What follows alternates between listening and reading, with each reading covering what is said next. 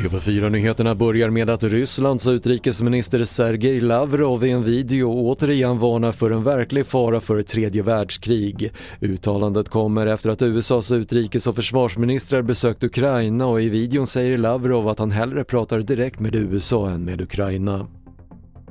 Nu kommer reaktionerna på att Elon Musk köper Twitter för motsvarande cirka 428 miljarder kronor. Musk har flaggat för att öppna upp plattformen mer men samtidigt som republikanerna i USA välkomnar beskedet menar kritiker att det är ett hot mot demokratin när enskilda får så pass stor makt.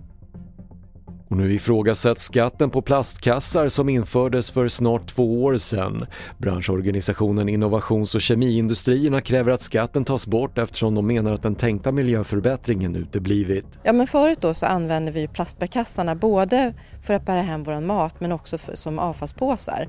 Men istället nu så köper vi en papperspåse för att bära hem maten och sen så köper vi plast avfallspåsar på rulle.